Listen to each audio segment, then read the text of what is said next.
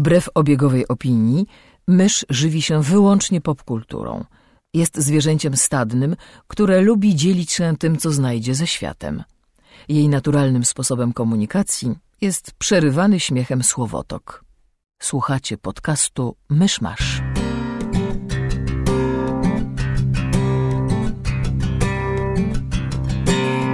Gospodarzami podcastu Myszmasz są Krzysiek Cera, redaktor portalu Avalon. Kamil Borek ze studia Kobart. i Mysz, autorka bloga Mysza Mówi. Drodzy słuchacze, jest poniedziałek 30 stycznia 2017 roku, 999. rocznica pokoju w Budziszynie oraz 314. rocznica zemsty 47 Roninów. Zapraszam do 169 odcinka podcastu Myszmasz. Czy historyczne wydarzenie, czy... No, jak najbardziej. Pokój w Budziszynie między Świętym mu- Cesarstwem Rzymskim mu o i. Bolesławem Chrobrym. 47 Roninów jak najbardziej. Pomścili śmierć swojego pana, a potem wszyscy popełnili seppuku, jeśli dobrze pamiętam. Że to jest Such takie a waste. mocno zmitologizowane. Znaczy, na pewno jest mocno zmitologizowana, natomiast do samego wydarzenia doszło. Aha. Okej.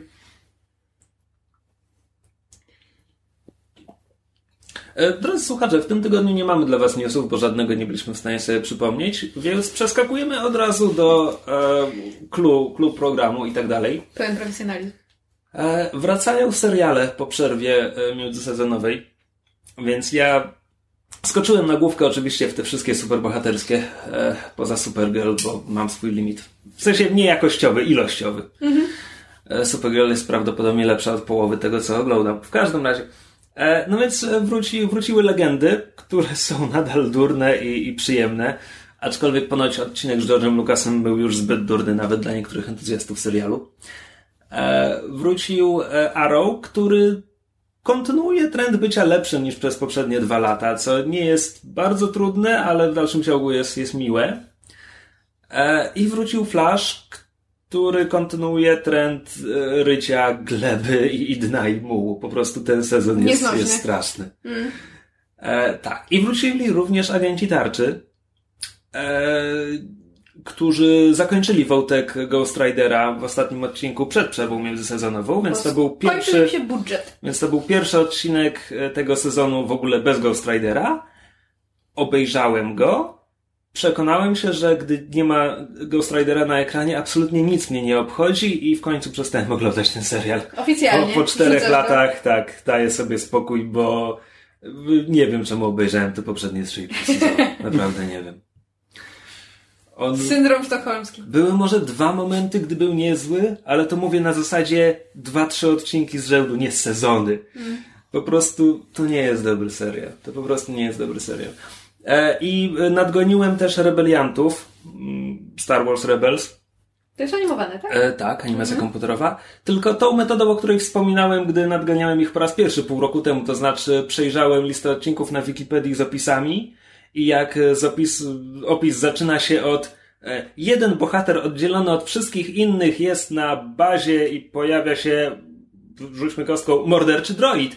E, To ja olewam ten odcinek, bo to jest filler ewidentny, ale co tylko po tym bardziej głównym wątku, to jest bardzo przyjemny serial i jest naprawdę całkiem dobry. Wciąż humor jest trochę zbyt denny jak dla mnie. Ja nie wiem, czy oni myślą, że to jest zabawne dla dzieci. Może jest, ale, e, ale humor mnie tam czasem boli. Natomiast samo prowadzenie postaci, sama taka gwiezdnowojenność tego serialu jest bardzo przyjemna. Dobrze, a bo ja jestem kompletnie niekumata. Przypomnij mi, co to, co to jest, jak to jest animowane i który to jest sezon and why should I care? E, E, Znaczy, autentycznie jestem mogę, ciekawa. mogę Cię odesłać do odcinka podcastu, w którym mówiłem o tym po raz pierwszy, a potem po raz drugi. To jest serial animowany komputerowo, animacja 3D. A, Brzydka, ładna. Rozumiem. to znaczy, jest okej. Natomiast na przykład pomiędzy drugim a trzecim sezonem główny bohater zmienił fryzurę, bo on na początku wyglądał po prostu jak Aladdin, tylko w animacji 3D. A to jest animacja 3D na, na takim poziomie i z takim budżetem, że ona nie potrafi we włosy. Kompletnie. Więc takie długie loki to były straszne. W pilocie, w pierwszym odcinku tego serialu, pierwszego sezonu są łuki. I to jest po prostu najgorsze, co można było zrobić w momencie, kiedy nie możesz, nie masz środków ani metod, żeby animować futro. To po prostu muki, Silnik nie umie które, które wyglądają jak, jak, jak z bryły, jak Choinka narysowana przez przedszkolaka. pół roztopione świeczki brązowe. O, E, no, tak, Łuki. tak. Więc animacja, to znaczy. Designy postaci są, są całkiem fajne. Po prostu to, jak one wyglądają. E, Twórcy bardzo dużo biorą e, z rysunków e, Macquarie'ego, czyli tego artysty, twórcy rysunków koncepcyjnych do oryginalnych Gwiezdnych Wojen Lukasowskich. Więc na przykład je- jednym z bohaterów jest e, Zeb, nazwiska nie pomnę, który jest kosmitą. E, I jego wygląd to jest jeden z pierwszych designów dla Czubaki. Kompletnie oderwany od Czubaki. On, on, on jest łysy, on ma wielkie ślepia, szpiczaste uszy i kły i tak dalej. Ale to jest po prostu ożywiony rysunek koncepcyjny Ralpha Macquarie'ego, który został tutaj jakby dany zupełnie innej rasie. Zresztą w Gwiezdnych Wojnach dzieje się często. Sam Lucas też tak mieszał swoje pierwsze pomysły z tym, co zrobił później. A Poza tym to jest serial, to już, to już jakby cieszy moje serduszko, który czerpie z, ze starego Expanded Universe, więc właśnie w tym, w tym sezonie pojawił się Wielki Admirał Thrawn, dubbingowany przez Larsa Mikkelsena e, i jest całkiem porządny. To znaczy, trochę w tym momencie, już po kilkunastu odcinkach, to jest trochę taka zasada, gdzie wszyscy nam mówią, że on jest wielkim geniuszem i jasne, pokazano nam, jak jego wielki geniusz po, pozwolił przyskrzynić paru statystów, ale tak poza tym to ci rebelianci detonują tam kolejne niszczyciele gwiezdne, a on mówi, dobrze, dobrze, mam coraz więcej informacji i zaraz prowadzę mój genialny plan. I kurczę, no, no, no już nie. Jak, dobra, jak, dobra mina do złej gry, no tak? właśnie tak, tak. Jak, jak, jak straci jeszcze jeden niszczyciel, to już, to już to naprawdę zamieni się w jakąś szopkę straszną. E, no Ale to, potem się okaże, że to wszystko było po to, żeby porwać jednego z bohaterów i porwał jednego człowieka, żeby, że za cenę trzech niszczycieli Celu gwiezdnych. środki. no, mam nadzieję, że nie. E, co dalej? E, no już takie kom- kompletne, ko- kompletna nerdoza to to, że pojawił się myśliwce TIE Defender niedługo. To już naprawdę obchodzi tylko bardzo konkretny typ, typ, typ fana. W tym ciebie. W tym mnie, tak. E, natomiast It's adorable when he's happy. E, To jest tak. To jest serial, który jak tylko go ogłosili, to ja się ucieszyłem, bo to z opisu brzmiało jak Firefly, tylko w świecie Gwiezdnych Wojen, że masz po prostu grupkę, która jest na jednym statku, oni zasadniczo walczą z Imperium, ale raczej na zasadzie nie lubimy Imperium, Imperium nam coś tam zrobiło, pomagamy jakimś biednym ludziom, jesteśmy takimi kosmicznymi Robin Hoodami. Przy czym w pierwszym sezonie to w zasadzie było tyle, jakby szersza rebelia była tylko bardzo w tle, tam y, koło finału okazało się, że jedna z postaci ma związek z szerszą rebelią, a, a bohaterowie są rebeliancką komórką, nie wiedząc o tym, że są rebeliancką komórką. E, to było całkiem fajne. Drugi sezon był właśnie, polegał na tym, jak oni się już w szeregi tej szerszej rebelii wpisują i, i czy im się to podoba, czy im się to nie podoba. E, w drugim sezonie też e, nie tyle głównym przeciwnikiem, ale w drugim sezonie e, Vader pojawił się na ekranie i był używany świetnie, to znaczy bardzo umiarkowanie, właśnie zupełnie nie tak jak Thrawn. To nie było tak, że oni co, co odcinek grali Vaderowi na nosie, tylko on zadebiutował e, w odcinkach otwierających drugi sezon. E, własnoręcznie jednym myśliwcem po prostu przetrzebił, nie wiem, jakieś 90% statystów, którzy tam byli. E, I potem pojawił się zasadniczo w finale, miał duży występ, a po drodze nawet nie wiem, czy, czy, czy, był, czy był na ekranie, a jeśli tak, to chyba nie miał żadnej znaczącej roli. A w finale, finał drugiego sezonu jest świetny. Ja nie oglądałem Clone Warsów, czyli tego poprzedniego serialu. Znaczy obejrzałem pierwszy sezon, ale to było takie na zasadzie humor mi się nie podoba, akcja mi się nie podoba Nie ma co i oglądać. postaci w sumie też nie. Podobno Clone Warsy się potem znacznie poprawiają, no ale jakby nie chciało mi się. Natomiast Clone Warsy dopisały Anakinowi uczennicę, Asokę Tano, Tak, bardzo dużo nie jest na Tumblerze. Tumblr ją kocha. która, która jest w Rebelsach. Aha. Jako, jako dorosła, dorosła wojowniczka. Ona zresztą jeszcze w Clone Warsach porzuciła zakon Jedi, więc jest taką trochę niby niezależną. E, I finał drugiego sezonu to jest jej spotkanie z Vaderem. I to jest super, jakby to jest świetnie poprowadzone, nawet dla mnie, że ja niespecjalnie lubiłem Asokę w tym jednym sezonie, co go obejrzałem. Nie obejrzałem reszty, nie jestem emocjonalnie związany z postacią, ale jakby autentycznie czu- czułem wagę tej, tego momentu, tego spotkania i tego, co się potem stało. Mhm. To było super. Zresztą bohaterowie też tam ponieśli pewne straty emocjonalne i, i fizyczne. E, I to jest kontynuowane w tym trzecim sezonie. E, no i, to jest po prostu dobre. To jest po prostu naprawdę dobre. E, no ile pomija się te, te filery, których jednak tam trochę jest. No tak. To ciekawe. Zresztą jeszcze zanim serial wrócił po przerwie międzysezonowej, był zwiastun, który po prostu pokazywał, co będzie w drugiej połowie sezonu. E, I tam bardzo ciekawe rzeczy pokazano. No więc IMDB i Wikipedia mi mówią, że w tym sezonie zostały już tylko dwa odcinki. Z tamtego zwiastunu wynika, że mieliby w nie upchnąć wojnę o przywództwo nad Mandalorianami. Jedna z bohaterek jest Mandalorianką w, w różowej zbroi, która też bardzo fajnie się rozwinęła przez te trzy sezony. To zbroja? Bohaterka. E, oczywiście genialny plan Frona ma, ma mieć swój jakiś epicki finał. E, a, a, a Darth Maul ma dopaść starego Obi-Wana na Tatooine i będą walczyć. I ja w tym momencie myślę sobie, że chyba i IMDB i Wikipedia się mylą, bo nie wyobrażam sobie, żeby to wszystko upchnęli w dwa odcinki. A one są 20-minutowe? Tak. No to tak, rzeczywiście no, przewiduje no problemy. No właśnie, więc zakładam, że tych odcinków będzie jednak więcej, tylko tam ktoś, ktoś o tym nie wie. E, w każdym razie jest to naprawdę fajne. Jest to naprawdę fajne bo pomijam jedną czwartą odcinków. Ale... To, co widziałem, jest fajne. Tak. Nie, to, co widziałem, jest bardzo fajne. Mhm. A to, co pominąłem, cieszę się, że pominąłem, bo jakby po pierwsze widziałem opinię w internecie na zasadzie, że e, e. no był odcinek. Mhm. Po drugie, no przeczytałem opis na Wikipedii ewidentnie nie ma to żadnego znaczenia dla większej fabuły, więc, więc czemu ma mieć dla mnie?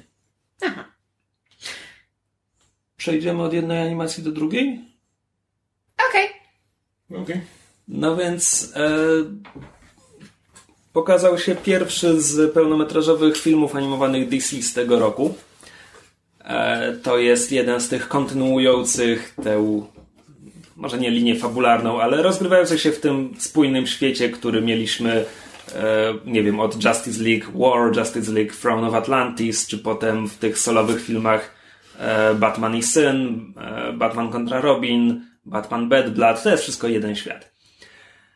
E, no i DC, czy Warner Brothers, czy, czy kto tam, e, to chyba powszechnie wiadomo, raz na parę lat robią naprawdę znakomity film animowany, a Justice League Dark boleśnie nam uświadamia, że musi minąć jeszcze sporo lat od, od Gods and Monsters, zanim obejrzymy kolejny taki film. E, no bo dostajemy film. Tak, Justice League Dark to była seria komiksowa. Może nadal jest, nie wiem. E, która skupiała się na postaciach z, z magicznego zakątka świata DC, e, którzy zebrali się w grupę, chyba ironicznie nazwaną Justice League Dark, nawet nie wiem, czy oni tak o sobie myślą w komiksach, chyba nie, którzy z jakimiś tam magicznymi zagrożeniami się ciągle spotykają i, i je zwalczają. E, jest to również seria, która zainspirowała niegdyś Guillermo del Toro, który bardzo długo próbował zrobić film aktorski Justice League Dark i ponoć ten projekt wciąż istnieje, w sensie Czekaj, o tym myślą. Ten, czy to jest ten projekt, w którym Armie Hammer miał grać Supermana? Nie. Myślisz o Justice League, który miał zrobić reżyser Mad Maxa. A! To ja... teraz mi się już wszystko pomieszało. Wszystko kompletnie ci się miesza. Superman nie ma nic wspólnego z Justice League Dark. Normalnie. Do tego zaraz wrócimy. Aha, rozumiem. A, w każdym razie, nie wiem, no Guillermo del Toro, z tego co ostatnio kojarzę, to wciąż na, pracował nad takim filmem aktorskim, gdzie byłby właśnie Konstantin, Zatana, te magiczne postaci DC na wielkim ekranie. A tymczasem dostaliśmy... Zatem też były ten jakieś ploty o filmie z Darkmanem, ale to też... Darkmanem? Nie mam pojęcia o kim mówisz. Myślisz o Deadmanie? Deadmanie, tak. A. No w każdym razie w międzyczasie dostaliśmy film animowany, który na papierze ma właśnie to wszystko. Mamy tam Konstantina, Zatanę, Deadmana, zasadniczo postaci z komiksowej Justice League Dark z mniejszymi czy większymi zmianami. I mamy jakieś magiczne zagrożenie, które, któremu muszą stawić czoła. I, I mamy również normalną Justice League z jakiegoś powodu. I mamy również Batmana, który ja słyszałem zapewnienia twórców, że on jest tą postacią z, ze świata realnego, który może, może nie jest tak, że kwestionuje istnienie magii, no bo jest w zespole z Wonder Woman i Shazamem, ale niekoniecznie od razu myśli, że wszystko musi być magią powodowane i on ma być tym punktem widzenia, z którym widownia będzie się utożsamiała i rany boskie, jak bardzo to nie wyszło. To znaczy, on jest w tym filmie, ale mogłoby go nie być, nic by się nie zmieniło. To znaczy, dobra, Kam, ja będę jeszcze wylewał potoki żółci, więc może najpierw co ty myślałeś o filmie? Nie wiem, bo ja, znaczy ja mam wciąż nieustający i ten sam problem z animacjami DC.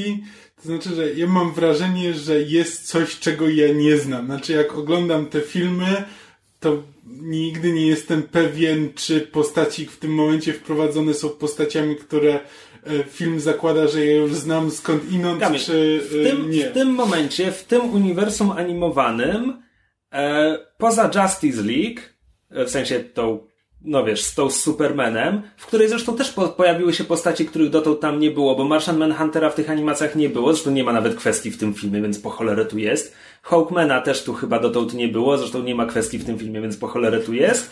E, Johna Stewarta Green Lanterna też dotąd tu nie było. No, I on mówi, że zastępuje Hala Jordana w tym odcinku. Dosłownie to mówi. Natomiast wszystkie te magiczne postaci tutaj widzimy po raz pierwszy. Nie, tak, tak. E, nie, właśnie, znaczy, jakby magiczne to jakby e, rozumiem. Znaczy, o, mam wrażenie, że film i tak zakłada, że wszyscy wiedzą, kim jest Konstantin, tak, tak z, z serialu, znaczy z, serialu trochę, a tak trochę po prostu z ogólnej wiedzy, ale to mnie no, nie przeszkadza. Samo, bo samo wzięcie do roli Mata Ryana tak, jakby właśnie... sugeruje, że hej, pamiętacie, pamiętacie, on go grał w telewizji, a, a potem w jednym złym odcinku Arowa. e, no. Ale tak poza tym no to jest takie... No, postacie się pojawiają przez długi, długi czas. Znaczy, to, że film się skupia na Konstantinie, jakby Konstantin jest tam e, głównym gwoździem programu, to jakby to jest jasne od początku. Jakby od niego zaczynamy i, i on jest jakby cały czas, e, prawie cały czas na ekranie. E, ale tak, Zatana, Zatana jest wprowadzona, potem chwilę znika, potem znowu i potem się okazuje, że to ona jest główną, jedną z głównych postaci obok Konstantina. Tylko, że ale, nie jest. No właśnie, ale zupełnie, ale zupełnie gdzieś tam, gdzieś tam się gubi. E, Deadman, e, Deadman jest fajny jakby jako, jako postać i ten, e, i podoba mi się zarówno koncepcja, to jak jest przedstawiony, po prostu interesująca, interesująca postać. Ale też jest tak trochę niewykorzystany. Znaczy, parę razy stosuje, że on się może, dla tych, którzy nie wiedzą, Deadman jest Deadman po prostu duchem, zma, duchem zmarłego człowieka, który może opętywać innych i po prostu przejmować kontrolę nad e, innymi ludźmi. E, przy czym Batman, Batman ma tak silną wolę, że bardzo cię, że opętuje go na chwilę, a potem musi z niego uciekać. Bo Batman. Bo Batman, tak. E, więc tam jest jakiś ewidentnie, kogoś może opętywać, kogoś nie, ale film się za bardzo nie zastanawia nad tym czemu i znaczy, Film mm. bardzo usilnie próbuje nas przekonać, że Batman, obecność Batmana w nim ma sens, tak. ale go nie ma. Tak, znaczy jest jedna scena, w której e, Batman znaczy, w której... Znaczy, to też jest takie trochę, trochę taka dziwna scena, znaczy chyba jest... lepsza by była, gdyby Batmana w niej nie było, znaczy jak oni walczą z duchami tam śmierci, które próbują zaciągnąć e, jedne z postaci do piekła i wszyscy z nimi walczą w tym, e, korzystając z magii i, e, a na koniec Batman wbija temu kolesiowi zastrzyk adrenaliny, więc, więc on odżywa i, i duchy znikają. No i fajnie, znaczy, fajnie pokazaliście, że Batman jest, jest tym cool guyem, który jakby, kiedy wszyscy trochę spanikowali i robią to, do czego są przyzwyczajeni, to, to on robi to, do czego on jest przyzwyczajony, korzysta ze swoich gadżetów i ratuje sytuację.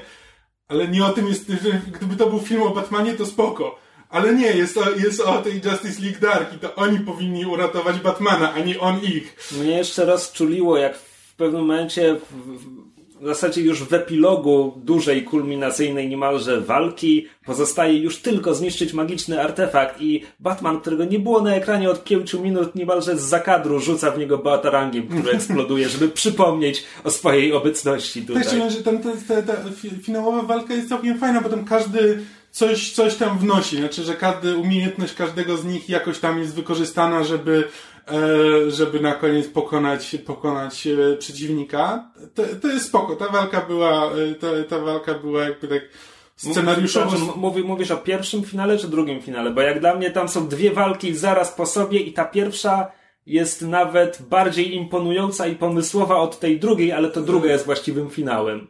No tak, znaczy... No... To, to, to o której mówiłeś? Już o właściwym finale? Nie no, właściwie finalnie. No tam to, znaczy tylko, mam, mam na myśli tak tylko strukturalnie. Znaczy ona nie jest jakby yy, nie robi takiego wrażenia właśnie, ale jakby ale jako walka finałowa, gdzie jakby każdy musi się jakoś wykazać, to yy, to, to spełnia swoje zadanie. Tylko, tylko o tym mówię. Yy, a potem zapomniałem o czym mówiłem. Dobra, to ja się wstrzelę, żeby powiedzieć, że mnie w tym... Ten film to jest tak, taki odrobinę lepszy Suicide Squad. Bo -hmm. zobacz, zbiera, tak. zbiera grupę, robi to strasznie po łebkach. Niektóre postaci wprowadza w ten sposób, że dosłownie ktoś ci z ekranu w 20 sekund mówi, to jest ten, on robi to i to. Tak. Po czym ta postać jest na ekranie przez może 3 minuty. Mm. E, więc, więc to jest jedno, co mi się nie podoba. Drugie, co mi się nie podoba, mam problem. Jasne, to jest, e, no, kwestia, kwestia wyborów artystycznych i w ogóle, ale ja mam problem z tym, co zrobiono z niektórymi postaciami. To znaczy ten Konstantin, Konstantin z tych komiksów, które czytałem, a od razu mówię, że to, to nawet nie była większość komiksów z Konstantinem, tylko to był jakiś ułamek, to jest trickster. To jest trickster e, w wielu znaczeniach tego słowa i ludzie, którzy są dookoła niego, tracą na tym, że są dookoła niego. I to odnosi się zarówno do jego wrogów, jak i do jego przyjaciół. To jest taka klątwa mm. Konstantina, że jakby jego przyjaciele, ludzie, których kocha, oni giną, oni cierpią, on idzie dalej przez życie. E, Konstantin komiksowy jest również e, draniem, który potrafi sprzedać swoich kumpli, e, żeby, żeby coś osiągnąć, mm. żeby odnieść zwycięstwo czy coś takiego. I wreszcie, najważniejsze dla mnie, Konstantin komiksowy z tych komiksów, które czytałem, z tego jakiegoś tam przedziału, tego, tego, tego tego wszystkiego, w czym występował, to jest gość, który tak, on zna magię, on zna zasady magii, ale on wygrywa z przeciwnikiem przez to, że na przykład wrobi demona w złamanie jego własnego kontraktu. Albo mhm. sprawi, że y, jakiś inny mag się podłoży i, i demony za, zaciągną jego duszę do piekła, a nie Konstantina. Mhm. Bo Konstantin ich wszystkich wyrelował.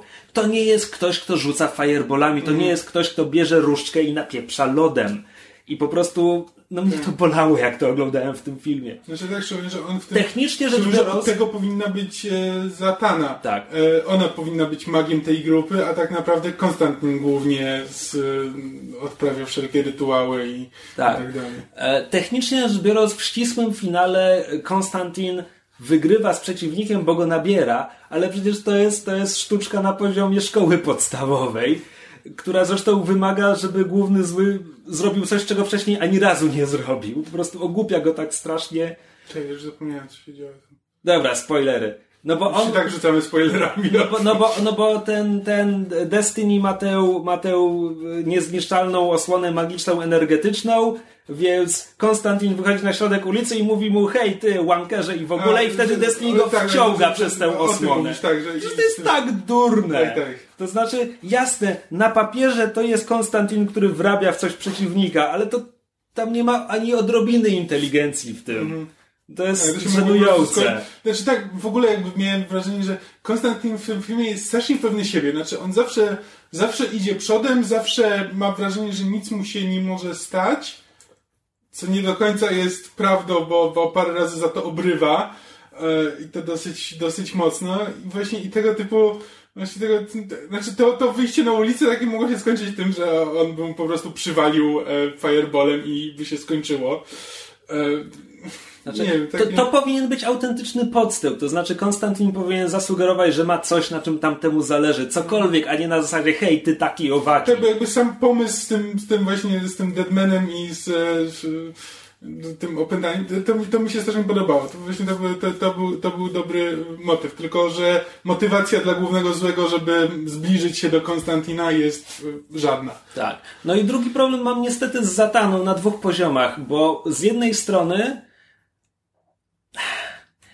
ja bym olał to, że w tym filmie w zasadzie są tylko dwie kobiety, bo Wonder Woman jest tutaj statystką, więc mamy Zatanę i mamy Black Orchid, która w tej wersji nie jest pełnoprawną postacią. Czyli To, to, to jest ta dem, demonica taka fioletowa, tak? to Tak, jest to Black tak. Orchid. To znaczy- Właśnie to, to, jest, to jest postać, która, z, z którą mam chyba największy problem, bo właśnie na, na początku miałem wrażenie, że okej, to teraz e, film wprowadza kolejną ważną postać, że to będzie członek tej drużyny, po czym ona tam zostaje i ma pilnować tam kogoś, więc e, zostaje wy, wy, e, odsunięta z akcji, więc nie, to jednak nie jest. To znaczy, że to jest tylko pomocnica w takim razie, ale potem ona ginie i to ma być e, bardzo emocjonalna scena, po czym ona po, znowu tam jest w następnej, w kolejnej Tak. scenie i też nie wiem o co To chodzi. znaczy, że ja zakładam, ja zakładam, że wszystkich trzech fanów Black Orchid będzie bardzo złych na ten film, bo ona w komiksach jest kimś zupełnie innym. To, że ona tutaj jest e,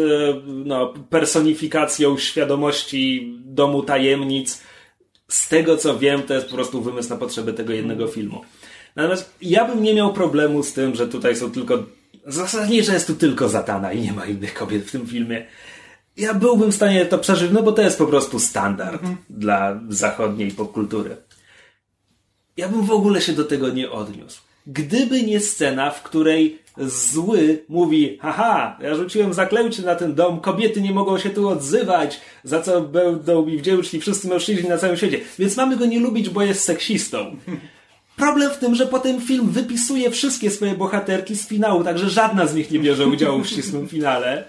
Poza tym nagle się okazuje, że wątkiem osobistym Zatany w tym filmie jest to, że ona nie do końca kontroluje swoją magię i cholerny Konstantin musi jej pomóc opanować swoje emocje, co się bierze kompletnie znikąd. To nie ma żadnego Tak. wprowadzenia wcześniej. I to jest wątek Zatany w tym filmie. To jest żen... No, słowo żenujące pojawia się często w mojej, w, w mojej ocenie tego filmu, bo byłem nim boleśnie rozczarowany.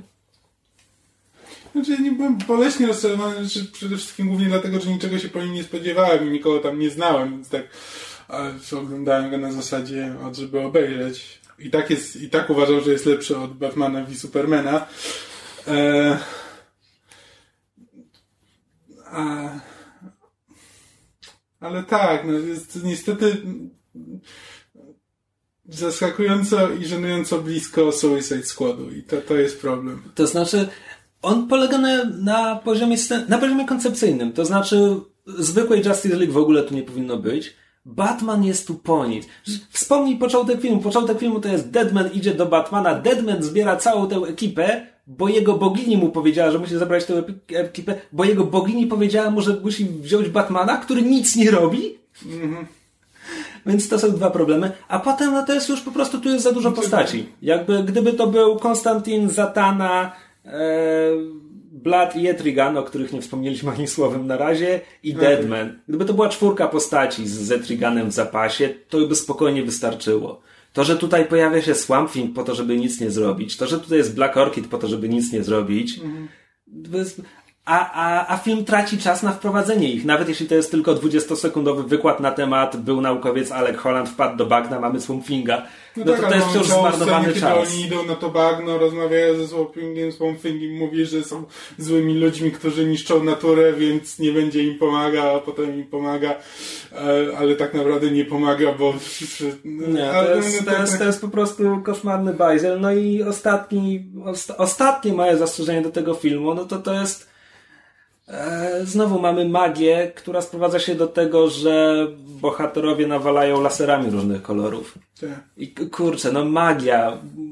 masz zniekształcanie przestrzeni, czasu, jest tyle możliwości, tyle rzeczy, które można zrobić Też z magią. jakby sam, sam a punkt, chyba- wyjścia, punkt wyjścia, że jakby Pierwsze ludzie sceny widzą, są tak, że świetne. ludzie zaczynają widzieć demony i wydaje, znaczy wydaje im się, że widzą demony, e, a to są zwykli ludzie. Jest, wiesz, fantastyczny, jest mroczny, jest e, ten niepokojący i samo wprowadzenie do tego filmu jest super. Tak, i, E, i tam skończyły się pomysły Tak, na ten film. Koniec, no bo to jakby wiesz, wraca raz w jednej scenie, kiedy Hal, e, nie, e, nie Hal Jordan, John tylko Stewart. John Stewart, e, wydaje mu się, że Batman jest jakimś tam demonem i obraca się przeciwko nim, ale to, ale to jest też jedna szybka scena, która się szybko kończy i To jest autentycznie po, po otwarciu, po otwarciu z, z ludźmi, ze zwykłymi ludźmi popełniającymi morderstwa, e, jedyna scena, która zrobiła na mnie wrażenie, to jest zaraz po tym, co opisałeś, jak Batman zaczyna działkować zatanie, a ona ratuje go jeszcze przed Supermanem.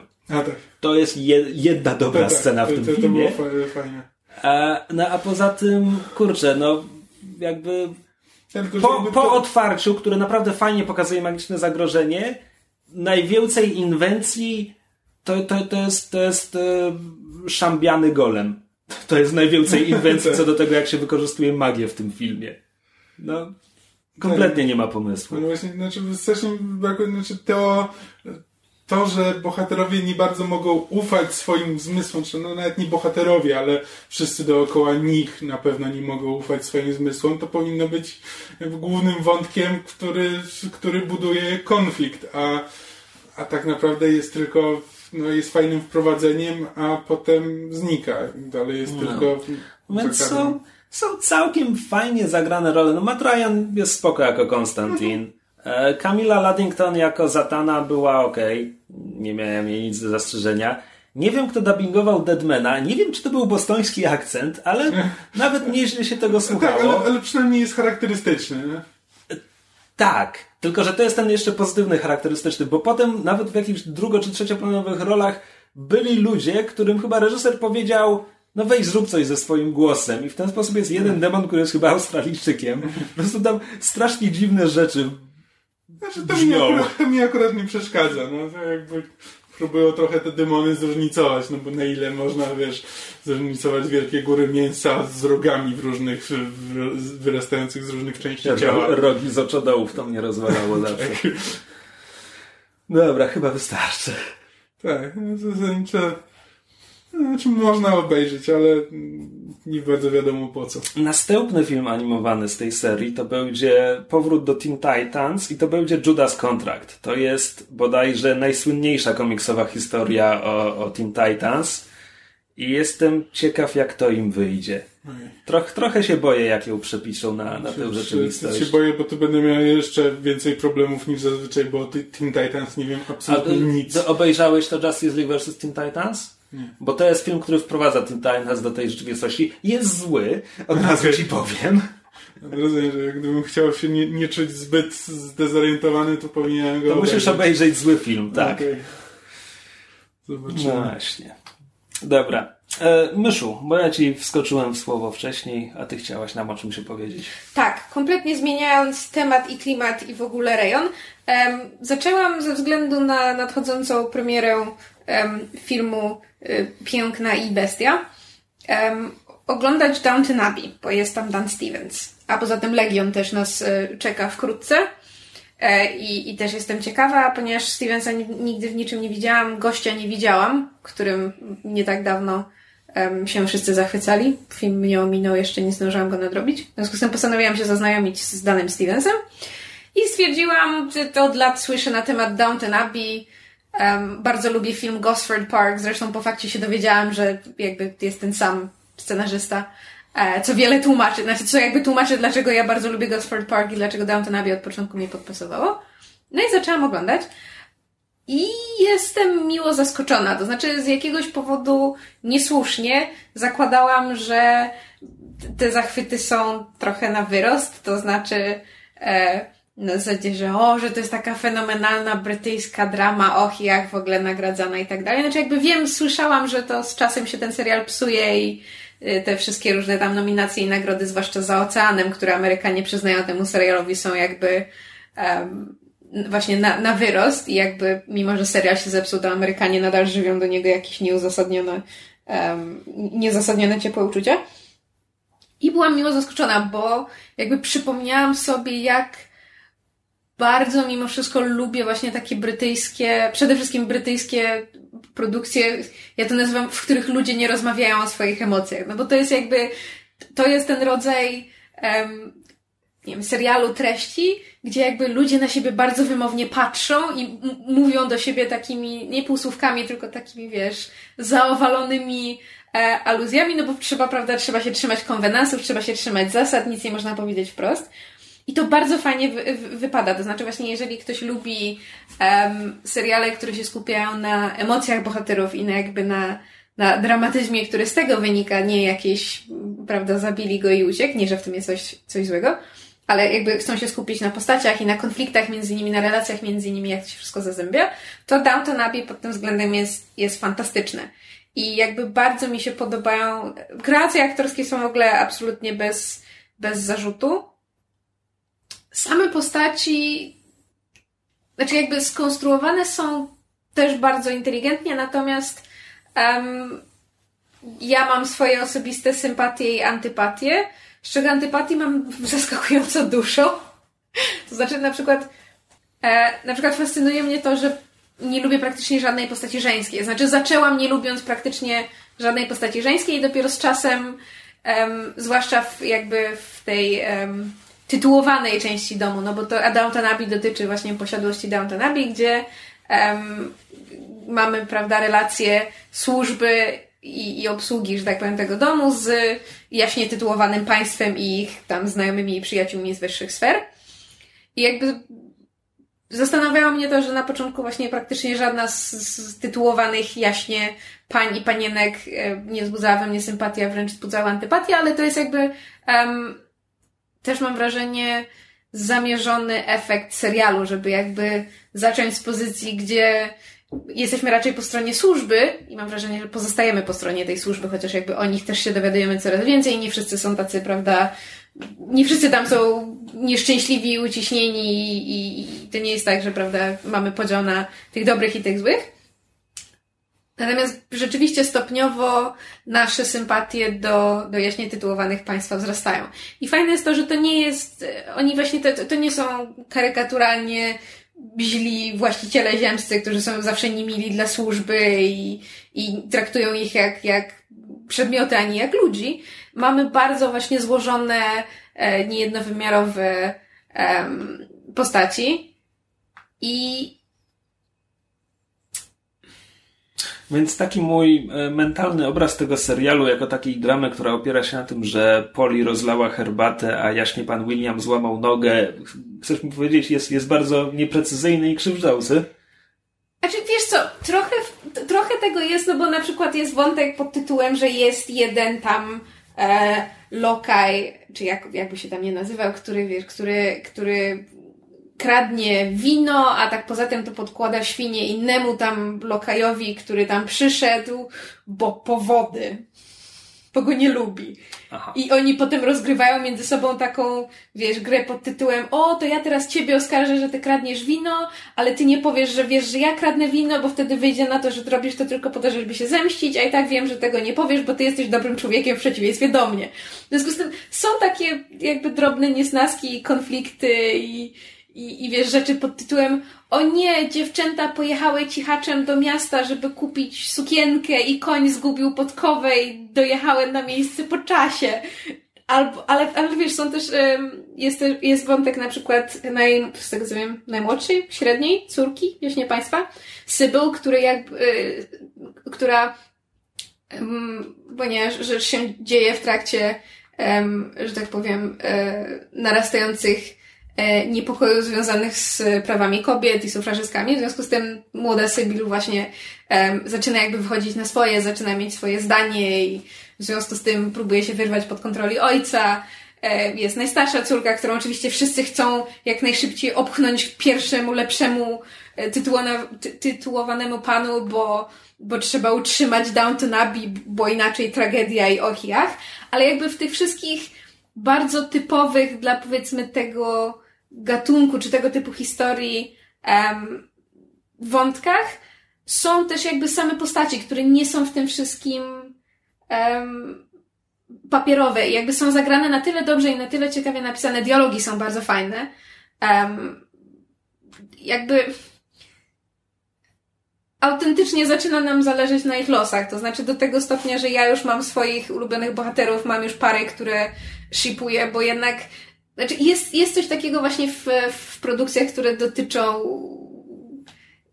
niewyrażonych emocji, czy właśnie emocji albo osobowości, które są tłamszone przez konwenanse, co bardzo sprzyja właśnie takiemu mocnemu, mam wrażenie, e, przeżywaniu pewnych, e, pewnych konfliktów. I bardzo, bardzo sympatycznie mi się to ogląda, jakby biorąc pod uwagę, jak wiele oglądam seriali, um, może nie zabili go i uciekł, ale właśnie wiesz, wszystkie te DC, Supernatural, jakieś tam sitcomy, to obejrzenie czegoś um, spokojnego, żeby nie powiedzieć nudnego, ale takiego bardziej treściwego w pewnym sensie. Gdzie to nie jest na zasadzie wybuch, y, żart, smutna mina, koniec, tylko jest jednak to takie napięcie, to takie jakieś przeżywanie, to takie stłumienie, co sprawia, że to się Lord patrzy na rozbitą filiżankę herbaty i patrzymy na tę smutną minę przez trzy minuty, zaglądając Nie no, bez przesady. Bez przesady. Um, jedyne, co mi, jedyne, co mi w serialu przeszkadza, to jest um, upływ czasu. To znaczy, to jest serial, w którym upływ czasu nie jest nijak zaznaczony, do tego stopnia, że wiesz, oni schodzą na śniadanie, zupełnie jak w opowiadaniach, e, w, w opkach, bohaterka zeszła na śniadanie, e, wiesz, jest scena, kiedy oni schodzą na śniadanie i ja myślę sobie, że to jest dzień później albo dwa dni później i się okazuje, że to jest rok później. I nikt mi jakby tego nie, znaczy, niczym to nie jest zasugerowane, oprócz tego, że nagle się dowiaduje z kontekstu rozmowy, że a, bo ja tu już pracuję dwa lata. Jak to dwa lata? Przyszedłeś w poprzednim odcinku! Wiesz co? Um, Strasznie mnie to nie, nie, nie, chcę generalizować, ale pamiętam, że jak oglądałem Tudorów, to było to samo. Aha. Tam w jednym odcinku potrafiły 4 lata minąć. Po prostu między jedną sceną a drugą sceną nic się nie zmieniało i nic się o tym nie informowało. Hmm. Wiesz co, jeszcze Tudorzy to jak ja cię mogę, no bo tam masz postaci historyczne i zakładając, że znasz jakąś coś tam z historii, to na podstawie tego, o czym rozmawiają albo jakie postacie się pojawiają, to może teoretycznie byłbyś w stanie się zorientować, czy, czy minęło, czy minął jakiś czas i ile mniej więcej tego czasu minęło. Natomiast tutaj, ponieważ oprócz gości, którzy się raz na jakiś czas zjawiają w tym Downton Abbey i, i postaci, które jakby pojawiają się albo na jeden odcinek, żeby e, ten e, podkręcić atmosferę, albo postaci, które dopiero zostają wprowadzone, tak naprawdę mamy stałą obsadę, która wizualnie się nie zmienia, znaczy jakby w sensie nie, nie starzeją się w widoczny sposób, dom się nie zmienia i właśnie tylko jakby z, z dialogów postaci jesteśmy się w stanie dowiedzieć w zupełnie przypadkowych momentach, że na przykład właśnie minęły już dwa lata, chociaż w ogóle tego nie czuć. Ale z drugiej strony, tak jak się nad tym zastanawiam, to w pewien sposób pasuje to do, do klimatu serialu, no bo właśnie to jest to takie codzienne, w wielu wypadkach nudne życie brytyjskiej szlachty czy klasy wyższej, które opiera się na tym, że ubierają się przy pomocy służby w wykwintne ubrania, schodzą na śniadanie, potem wiesz, panie jadą do miasta brać udział w różnych charytatywnych spotkaniach, bo biedne dzieci w Afryce głodują, potem jest wiesz, jakieś czytanie wspólnie książek, wypad do kościoła, potem obchód po włościach, wracają na kolację, na którą muszą się elegancko ubrać, jedzą kolację, jakieś wewnętrzne dramy i idą spać. I potem w nocy się rozgrywają inne dramy, a w tym czasie jeszcze służba ma swoje dramy. I jakby biorąc to wszystko pod uwagę, ten, ten, ten nie, niewidoczny czy, czy nie, niezaznaczony upływ czasu ma sens, bo jakby to się wszystko zlewa w jedno ale po prostu mam takie momenty, kiedy się wybijam z oglądania serialu, no bo właśnie na przykład się dowiaduję, że minęły dwa lata albo tydzień i nie widzę tego. No, ale ogólnie jakby rozumiem, w pełni rozumiem zachwyty Downton Abbey, to jest rzeczywiście bardzo um, dobrze zrealizowany serial. Jeżeli ktoś lubi takie treści, to, to bardzo polecam. Ewentualnie, jeżeli nie wiecie, czy lubicie takie treści i, i chcielibyście się przekonać, to polecam obejrzeć Gosford Park, bo to jest fenomenalny film. I jest, z tego co pamiętam, tego samego scenarzysty, czyli to jest Julian Fellows, właśnie twórcy Downton Abbey, a z kolei reżyserował to um, a jak on się nazywał? Robert czy Roger? Altman. Tak. Dobrze mówię? Hmm. No jak to, nie wiedzieć jak się nazywał Altman. Będziesz googlał? Chyba Roger. Chyba Robert. Jest... Jest takich klimatów, to wolałem Grand Hotel. Ale Grand Hotel było hiszpańskie i to było jednak bardziej soap opera, a to jest brytyjska no nie powiedz, że to nie jest soap, soap opera. No to, to już bardziej Grand Hotel było... Znaczy... Znaczy Grand Hotel było mniej soap operą, bo przynajmniej tam były ten elementy kryminału. Nie, no właśnie moim zdaniem było bardziej soap operowe, bo to było, wszystko było podkręcone do 11, a tutaj przez większość czasu masz jednak tak spokojnie, spokojnie, spokojnie, tylko nagle ci się na przykład pojawia e, wiesz, Turek kochanek, który potem ginie w łóżku jaśnie panienki. znaczy, wiem, wiem, że, wiem, że serial potem jakby im dalej, tym jest gorzej. Znaczy właśnie tym bardziej przypomina soap operę. E, niniejszym informuję, że loterię Altmanową e, wygrałem ja, Robert Altman. Robert Altman, no właśnie. W każdym razie Gosford Park jest taką skondensowaną wersją um, Downton Abbey, plus właśnie ma zagadkę kryminalną. E, w związku z tym, jeżeli nie wiecie, czy to jest wasza bajka, to bardzo polecam obczaić Gosford Park i jeżeli wam się spodoba, to możecie e, sięgnąć po Downton Abbey, Mysza, Stamp of Approval. Wiele, wiele lat po fakcie. to już pora, żeby nadgonić Sherlocka, którego zaniechaliśmy w zeszłym tygodniu. Co jakby już samo sobie świadczy po to, znaczy, Świadomie go pominęliśmy, żeby móc przetrawić sobie ten ostatni odcinek przed kolejną wieloletnią przerwą. Aha, jeśli w ogóle, jeśli w ogóle wróci, więc e, chcieliśmy, chcieliśmy poświęcić tę pełną uwagę, tak, a nie tak, tak na szybko tak. poddawać się emocjom. Właśnie, właśnie tak. Dokładnie. Tak, w związku z czym ja go obejrzałam 4 godziny temu. E, zacznijmy od tego, że to będzie omówienie spoilerowe, bo minęły dwa tygodnie i jeśli kogoś Sherlock obchodzi, to już go obejrzał. No więc nastał ten trzeci odcinek Sherlocka, Oj. w którym mogliśmy poznać siostrę Sherlocka. W sensie lepiej niż w tej jednej scenie poprzedniego odcinka. A i tak, to znaczy to jest odcinek, który wydaje mi się był dość powszechnie krytykowany w internecie. Przynajmniej ja odniosłem takie wrażenie. Też odniosłem takie wrażenie. A ja... Ja wam pisałem, że mi się podoba to, co on robi, nie podoba mi się to, jak on to robi. To znaczy, podoba mi się koncepcja umieszczenia bohaterów przed serią problemów bardziej moralnych niż logicznych i pokazywanie to, jak na to reagują. Natomiast to, jakie wolty wykonuje scenariusz, żeby ich w tej, w tej sytuacji umieścić, jest tak absurdalne i durne, że jakby nawet w konwencji Sherlocka, gdzie łykamy tych supergeniuszy i, i e, konsultantów dla, dla zbrodniarzy i, i tak dalej, e, no tutaj weszliśmy na taki poziom absurdu, chociaż z drugiej strony czy to było tak dużo bardziej absurdalne od, od ich jej wersji Ogara z Baskerville, który przecież to też był durny odcinek. Ja już nie pamiętam, co tam było z tym No nie wiem, jakieś gazy wojenne, militarne powodujące halucynacje A. czy coś tam.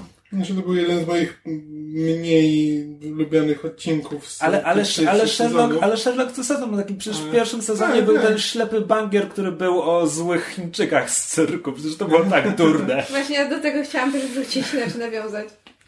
Więc, więc tak, więc my chyba zawsze selektywnie wspominaliśmy tego Sherlocka. E, tylko, że problem polega na tym, że o ile ślepy bankier i jakkolwiek nazywała się ich wersja tak, Gara z Baskerville, to był pomysł wtrniony w ogólnie dobry odcinek, znaczy dobrego znaczy, serialu. Ja, ja zmierzałem do tego, że to był zawsze ten jeden zły odcinek w tym ogólnie dobrym sezonie złożonym znaczy, z trzech odcinków. Znaczy on był zły, on był gorszy od pozostałych, ale to okay. nadal były Dobrze. dobre odcinki. A tutaj mamy do czynienia z tym jednym lepszym odcinkiem wrzuconym w sezon złożony z trzech, gdzie dwa pozostałe są. Znaczy, pierwszy dla mnie był straszny, trzeci. Nie do wybaczenia, trzeci... Trzeci uważam, że był lepszy niż pierwszy. Tak, znaczy, no to zależy, no jakby można... Ale- Można go lubić, tylko po prostu no, ja uważam, że źle robi to, co... Znaczy, źle robi to, co sobie założył, a to, co sobie założył jest i tak głupie, no i tak no, nie pasuje do serialu, więc... Tak, znaczy, mi się. Możesz powiedzieć, że mi się strasznie nie podoba to, co zrobili z tą siostrą Sherlocka. To znaczy, kierunek, w którym z nią poszli, to, że ona. Ja nawet nie wiem, co ona robi. Bo serial mi mówi, że po, po pół minucie rozmowy z nią ona cię przeprogramuje i zrobisz wszystko, co ci powie. Tylko, że serial potem tego nie wykorzystuje w żaden sposób. To jest tylko wymówka, która ma nam uzasadnić w ogromnym cudzysłowiu, czemu ona kontroluje to więzienie. Tylko, że potem rozmawia z Sherlockiem sam na sam. I ja jestem świecie przekonany, że zagrożenie wynika z tego rany boskie. Sherlock jest zamknięty z tą kobietą, która przeprogramuje każdego, z kim rozmawia i nic się nie dzieje. No, pff, no, to, co to ma być? A potem mamy, kurczę, Mycroft ma być inteligentniejszy od Sherlocka. Mycroft jest tak ogłupiony w tym odcinku. Ale ma, jed, ale ma jedną fantastyczną scenę. Z wiekiem trumny? E, nie, znaczy to była bardzo dowcipna scena, ale Znaczy, to... to, to była dla mnie dowcipna scena, ale jak dla mnie tam to powinno być na odwrót, że to Mycroft powinien tak wnioskować, a Holmes Nie, nie, nie, nie, absolutnie. wieko, tak? Mycroft, No po prostu ten, kiedy słyszysz kopyta, myśl koniki, a nie zeberki. No, Mycroft jakby po prostu e, podszedł do sprawy Dobra, bardzo to o- prosto. o której scenie e, scena, o której, tak już zaznaczyliśmy spoilery, ten, spoilers galore. E, scena, która mi się bardzo spodobała i Gatis moim zdaniem fantastycznie ją zagrał, to jest ta scena, kiedy Sherlock ma zdecydować do kogo strzelić i Mycroft zaczyna to się jest- wyżywać i potem jak opada No. z niego ta maska i on mówi, no musiałem spróbować. Och, to było tak To, dobrze znaczy, zagrane. to, to jest spokojnie najlepsza scena tego odcinka i właśnie to jest to, o czym mówię, kiedy mi się podoba to, co ten odcinek Tak. robi, a nie cierpię tego, jak to robi. To znaczy, to jest świetna scena, ale cała struktura, która nas prowadzi do tej sceny jest tak durna, że ja nie mogę jej zaakceptować. Tak, Szczególnie, że najgorsze, że moje w tym momencie rozumowanie było takie o matko, no co oni robią z micro... micro... A, dobra, rozumiem, co się dzieje. Okej, ale pierwsze było na zasadzie, że okej, to jest tak zły odcinek, że robią coś, robią coś nie tak, a do- dobra, okej, dobra, to jest fajne, to jest fajne, to wam wyszło. Tak, no ale potem, ale potem mamy, nie wiem, tę całą warstwę z dziewczynką w samolocie i to, czym to się okazuje i... Z tym mam bardzo duży problem. Znaczy, Ja też. Inaczej, miałam ogromny problem z początkiem odcinka, to znaczy do tego stopnia, że Kamil wszedł zapytać się, czy jemy śniadanie, a ja tylko na niego spojrzałam, przewracając oczami i zapytam się, co ja kur... oglądam, bo po prostu ta sekwencja, kiedy oni próbują wkręcić Mycrofta, tak. wow! Serio? No, odcinek się Morderczy zaczyna... clown. Morderczy A, clown, to- płaczące krwią portrety, portrety i tak dalej. Portrety. E, I po prostu nie. Znaczy jakby już zaczynając odcinek bardzo mnie źle nastawił. E, zgadzam się absolutnie z, tym- z, z tym, co Krzysiek powiedział, że jakby za, za, próba zasugerowania nam, że, że Juris jest tak wybitnym manipulatorem, czy manipulatorką, że że przejęła całe to więzienie. To jest jakby tylko wytrych, który służy temu, żeby zamknąć bohaterów w, jakby w, w labiryncie złożonym z pułapek, które muszą rozwiązywać i jakby esencją tego odcinka dla mnie są jakby właśnie konflikty między bohaterami, decyzje, które muszą, pode- muszą podejmować i to jakby ten element jest właśnie spoko, czyli na przykład właśnie tak jak ta scena, kiedy e, John Watson ma zastrzelić tego tam gubernatora, czy tam, nie, nie gubernatora, governor, em, dyrektora więzienia, czy właśnie scena, kiedy, kiedy Mycroft udaje złego, żeby ułatwić Sherlockowi zadanie.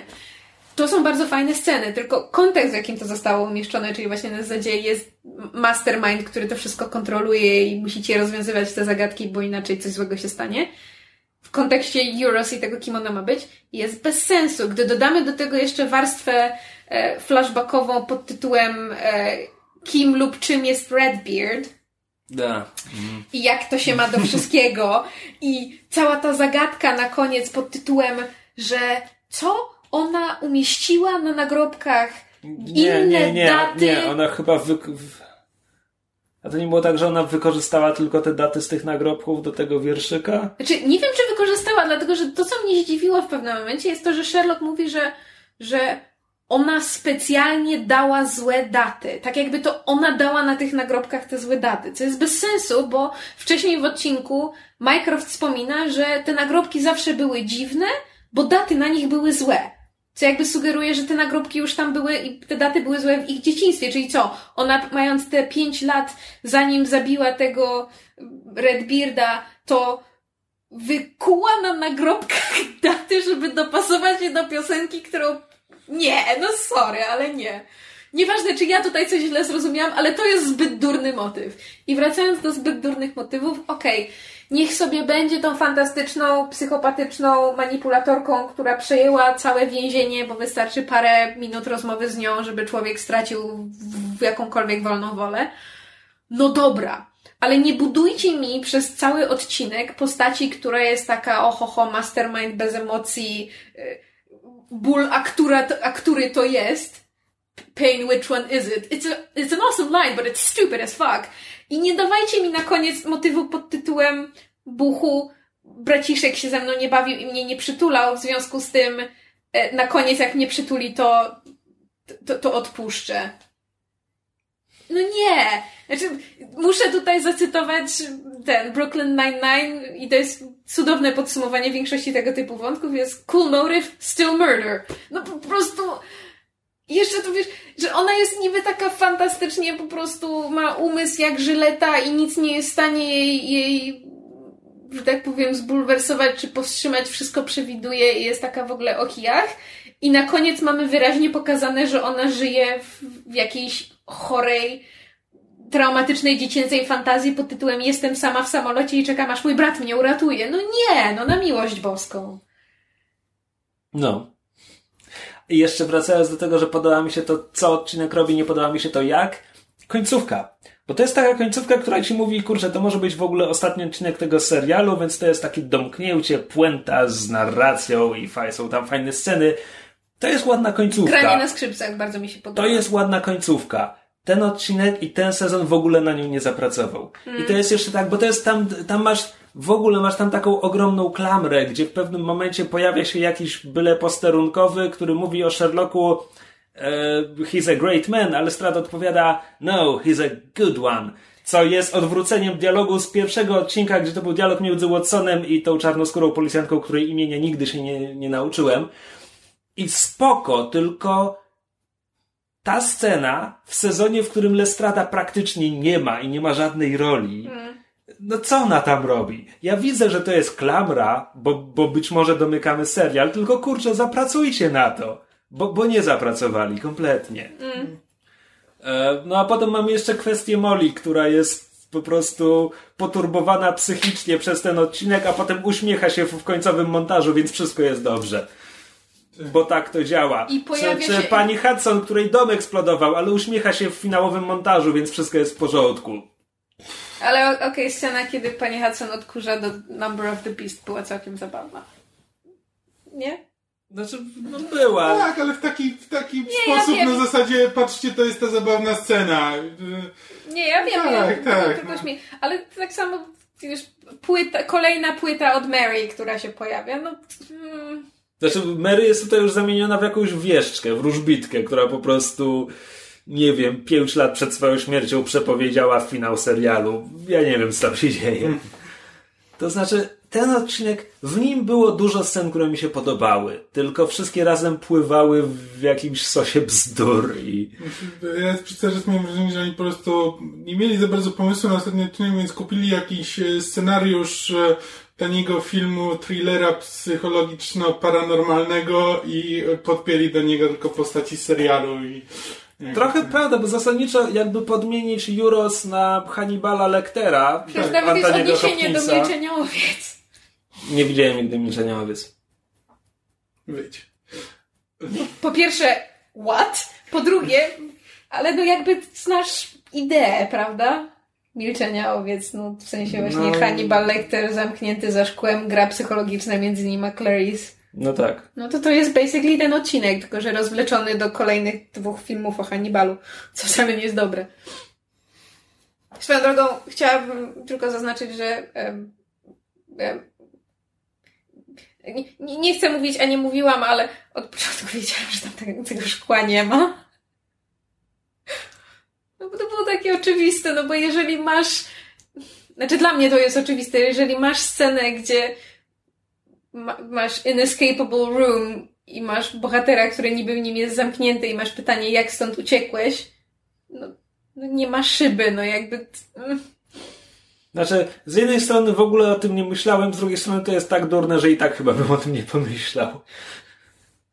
Żeby było śmiesznie, potem w, jak są flashbacki do jej spotkania z Moriartym, to jest z kolei bardzo podkreślone, bo oni widzą, znaczy jakby kiedy patrzą na siebie nawzajem, to widać ich odbicie w szkle, więc jest jeszcze bardziej podkreślone to, że w tamtym nie było. Jak się cofniesz i zobaczysz, to nie będziesz widział odbicia. Aha, aha jesteśmy tacy mądrzy. Tak, ale nie obchodzi mnie to. Nie, po prostu strasznie mnie bawi. To, to jest po prostu kolejna rzecz. zagadka, która nie była zagadką.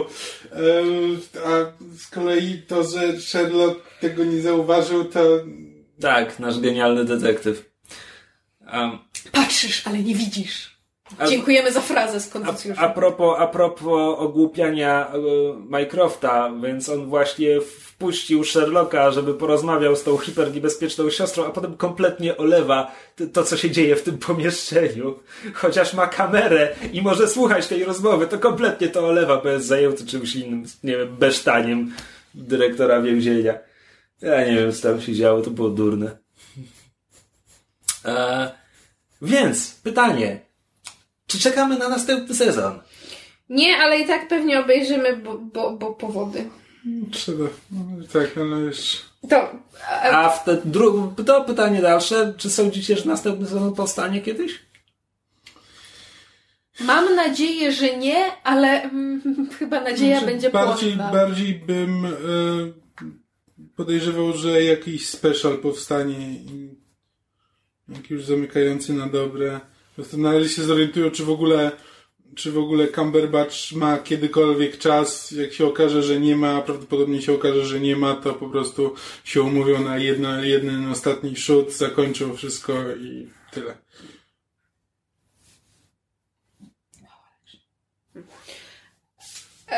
Mam wrażenie, że Moffat z Gatisem mogą bardzo chcieć mieć kolejny serial, bo oni im bardziej ludzie ich krytykują, tym bardziej oni chcą pokazać, że są fajni i, e, i że wiedzą co robią, więc będą chcieli jeszcze jedno podejście do tego zrobić i pokazać wszystkim, że się mylą i prawdopodobnie im się to nie uda. Ale to już są tylko moje defetystyczne wizje. Znaczy ja przeczytałam na Tumblrze bardzo piękne podsumowanie tego e, sezonu i w ogóle jakby serialu, to znaczy, że um, sezon czwarty Sherlocka zrobił rzecz absolutnie fantastyczną, to znaczy sprawił, że że znienawidziliśmy ten serial i tę postać i Conan Doyle byłby z tego bardzo dumny, w związku z tym jest to Sherlock absolutnie idealny. I bardzo to podsumowanie podoba, bo czuję, um, czuję w głębi serca, że jest um, prawdziwe. To znaczy, to nie jest może tak, że znienawidziłam tę postać, ale rzeczywiście czuję się na tyle zniechęcona, że Conan Doyle chyba, chyba byłby zadowolony z tego um, efektu, jaki Gatis i Moffat wywarli. No. Smutne. Eh, zostaje mi Elementary. A to jeszcze leci? Tak. Który ma zasadniczo mniej Sherlocka w Sherlocku, ale to, co robi, robi fajnie. To jest basically procedural, tylko bohaterowie no się tak, nazywają ja Sherlock i Watson. zacząłem to kiedyś oglądać, tylko po dwóch odcinkach stwierdziłem, że oglądam Kasla, więc na cholerę mam oglądać jeszcze jeden procedural. Hmm. Ja po prostu lubię bohaterów, aktorów też. Um, dobrze, to skoro omówiliśmy e, serial e, dwa tygodnie, znaczy odcinek dwa tygodnie po, po tym, jak był wyświetlony, to może przejdźmy do omawiania czegoś, um, miejmy nadzieję, bardziej optymistycznego. Znaczy w sensie mm, wow, ale mi nie wyszło. Bugger Mitch, to miał być segway. Trochę. e, dobrze, przejdźmy do omawiania czegoś, co jest y, zasadniczo e, nowsze. Również jednego odcinka, tym razem odcinka pierwszego pilot serialu Riverdale. Oparty na e, serii komiksów Archie Comics. Skoro sobie porozmawialiśmy, to porozmawiajmy jeszcze trochę. Masz segway. Możesz, możesz z niego skorzystać następnym razem. Żeś się uczepił tych moich segwayów, no. Zgodnie, zgodnie z naszymi słuchaczami, to teraz jest moment, kiedy należy pić, bo myszy nie wyszedł segway i teraz to jeszcze podkreślamy, że z tym pijecie dwa razy. You're welcome. Dobra, e, Riverdale. Zacznijmy od tego. Myszu, ty czytałaś jakieś stare Archie, bo przed chwilą mi pokazywałaś, Tak, bo że dysponujesz nawet paroma Tak. zeszytami. Tak, bo to jest, to jest jedna z tych rzeczy razem z miłością do pancake'ów i masła orzechowego, którą przywiozłam ze sobą ze Stanów. To jest wiedza i, i, i jakieś tam, jakaś sympatia do, do komiksów o Archie. Tak, no ja, ja wiem o Archim zasadniczo przez osmozę. Wiem, że ukazują się od pół wieku i wciąż są popularne, więc coś w nich musi być. I, Znaczy i wciąż. Wiem... Znaczy, co- wciąż? Wciąż są popularne. No właśnie popularność No, im spadała. ba- bar- no, znaczy bardzo popularny, przynajmniej w internecie i na Tumblrze, był ten ostatni, e, nawet nie wiem jak to nazwać, te, te, ten nowy start, nowe wyobrażenie tych serii komiksowych. Relaunch, gdzie ale on był- on- Mark Waid i Fiona Staples i, Chip Zdarsky pisali i rysowali. Tak, i to jest sprzed dwóch lat. Wiem. A po drodze Wiem, jakby... ale po drodze było też mnóstwo innych takich nowych wyobrażeń tych bohaterów. Były takie rzeczy jak Afterlife with Archie, który jest komiksem o zombie apokalipsie i podobno jest bardzo dobry. E, tak, był były, ale crossover jakby- z Punisherem, był crossover Archiego z Predatorem. Tak, ale to jakby było wszystko rzeczy, które wychodziły po to, żeby właśnie po- podratować tę upadającą e, sprzedaż i popularność tych komiksów i stąd się między innymi wziął relaunch, którego podkreślam, nie czytałam. Co jakby dla mnie jest o tyle interesujące właśnie z punktu widzenia obejrzenia pilota, że em, z, z tego co słyszałam, a obejrzawszy e, recenzję e, naszego zaprzyjaźnionego Ikaboda, em, serial jakby bardzo, bardzo dużo czerpie z tego, z tego relaunchu, natomiast ja właśnie kojarzę te postaci z lat um, 90., kiedy jeszcze były w swojej starej inkarnacji, w związku z tym pilot Riverdale był dla mnie ciekawy chociażby z tego względu, jak te postacie e, bardzo stereotypowe i archetypiczne próbowano zreinterpretować. Mówię próbowano, dlatego że powiem wam tak. Mam- Może, może najpierw takie wprowadzenie ogólnie tylko dla słuchaczy. jedną rzecz chciałabym powiedzieć, że mam bardzo wiele do zarzucenia temu pilotowi, co nie zmienia faktu, że bardzo jakby to nie sprawia, że go skreślam, w sensie serial, bo to, biorąc pod uwagę to, co wiem o, o twórcach, którzy są nie tylko jakby twórcami serialu, ale właśnie odpowiadają za, za ten relaunch i za te e, reinterpretacje tych, tych postaci z lat 90., to ma, to, to, to ma się dokąd rozwinąć i kierunek, w którym to się może rozwinąć moim zdaniem będzie znacznie ciekawszy niż to, co nam pokazuje To pilot. znaczy, twórcą serialu jest Roberto Aguirre Sacasa, o ile tak to się wymawia, prawdopodobnie Mhm. inaczej, który e, ma dość zróżnicowaną karierę. Mam wrażenie, że pisał nawet sztuki teatralne. Pisał też sporo komiksów, również dla Marvela. A od iluś lat jest tam, nie wiem, dyrektorem kreatywnym w Archie Comics, czy jak to Mhm. się nazywa. Więc po prostu nadzorował kierunek tego relaunchu. Nie wiem, czy w jego ramach miał jakąś własną serię. Natomiast wcześniej pisał właśnie to Afterlife with Archie. Mhm. Czy może wciąż pisze, nie wiem, czy to się wciąż ukazuje. E, więc ogólne wprowadzenie. Jest małe amerykańskie miasteczko Riverdale. Na prowincji. E, tak, ale nie jakiś bardzo głęboki. Znaczy, wiesz co, na prowincji, na prowincji, na prowincji, ale w którymś momencie e, jeden z bohaterów mówi, że weź, wezwie Ubera. E, Więc nie wiem, na, jaka to jest Może to prowincja. jest taka prowincja jak, nie wiem, New Jersey. Tak. E, główny, znaczy, Główny. chciałem powiedzieć tytułowy bohater, a potem przypomniałem sobie, jak nazywa się serial. E, więc, więc jest Archie. Miasteczko Riverdale. Archie Riverdale. Tak, jest, jest Archie, który jest, który jest uczniem e, liceum. Właśnie zaczyna się nowy rok szkolny po przerwie wakacyjnej, która zmieniła wszystko. To można wielkimi literami napisać, bo, bo, bo ludzie się pozmieniali, powyrastali. Jak tam mówi e, jeden z bohaterów, Archie got hot, bo, bo ma teraz mięśnie na brzuchu i w ogóle. E, oraz e, zginął jeden z uczniów szkoły. W okolicznościach, które dość szybko okażą się tajemnicze. E, Plus poza tym tam każdy jeszcze ma jakiś sekret na boku. W wypadku Arczego jest to romans z nauczycielką muzyki. Because that's something we haven't seen before. I taki po, podstawowy, podstawowy trójkąt przeniesiony wprost z komiksów to jest Archie i jego dwie przyjaciółki, Betty i Weronika, gdzie w tej wersji serialowej Betty jest jego najlepszą przyjaciółką z dzieciństwa i do końca nie wiadomo, czy, czy on coś do niej czuje, czy tylko traktuje ją jak przyjaciółkę. Ona do niego na pewno. A Weronika jest nową figurą w miasteczku, właśnie przyjechała, jest z jakiejś bogatej rodziny, która teraz ma tarapaty, ojca aresztowali za przekręty finansowe i w ogóle, i szybko zaprzyjaźnia się z Betty, a jednocześnie interesuje się Archie, więc trójkąt, jako się rzekło. A plus do tego mamy tam jeszcze ileś tych figur wprost z komiksów, które są gdzieś tam w tle. Ja wiem, że Jackhead jest istotny w komiksach, ale w tym pilocie pojawia się na jedną scenę i jest narratorem i to wszystko, co potrafię o nim powiedzieć. E, no tak, więc mamy serial, serial o nastolatkach i o sekretach małego miasteczka. W tym dość mroczny, no bo w mrocznych sekretach, no bo jakby w tle tego wszystkiego jest morderstwo, które chyba niedługo wyjdzie na pierwszy plan. A może nie, nie wiem.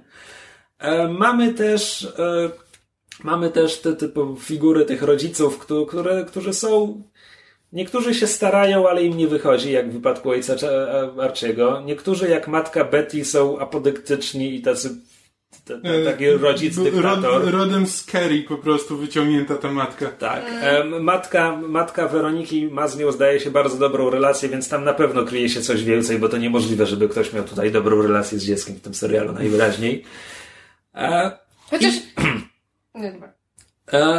I zasadniczo ja muszę powiedzieć, że obejrzałem tego pilota, nie byłem znudzony, ale też nie miałem żadnych głębszych odczuć. Jakby po zwiastunach ja liczyłem, że oni mogą skręcić daleko w stronę jakiejś Weroniki Marsz, czy czegoś takiego, co naprawdę lubiłem. Wygląda na to, że nie, więc szczerze mówiąc nawet nie wiem, żeby zostałem przy tym serialu, bo jakby fabularnie to mnie tam nic szczególnie nie zainteresowało. Aktorzy są fajni, podoba mi się to jak grają, podoba mi się to jak są obsadzeni, e, natomiast tak poza tym to podoba mi się forma. Podoba mi się narracja Jackheada, ma fajne kwestie.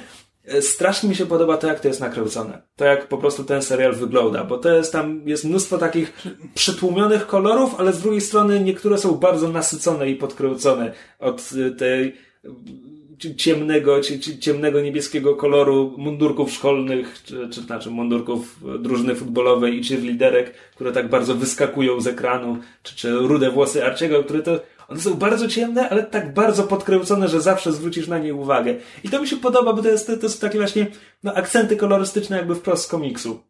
Nie mówię o żadnym konkretnym komiksie, tylko po prostu powstaje taki efekt. Plus to jest nakręcone w ten sposób, że tam bardzo dużo e, stosują nieostrości. Mhm. Bardzo jest często jest rozmyty dalszy plan. Tam każde ujęcie plan. jest po prostu na głębokiej ostrości robione.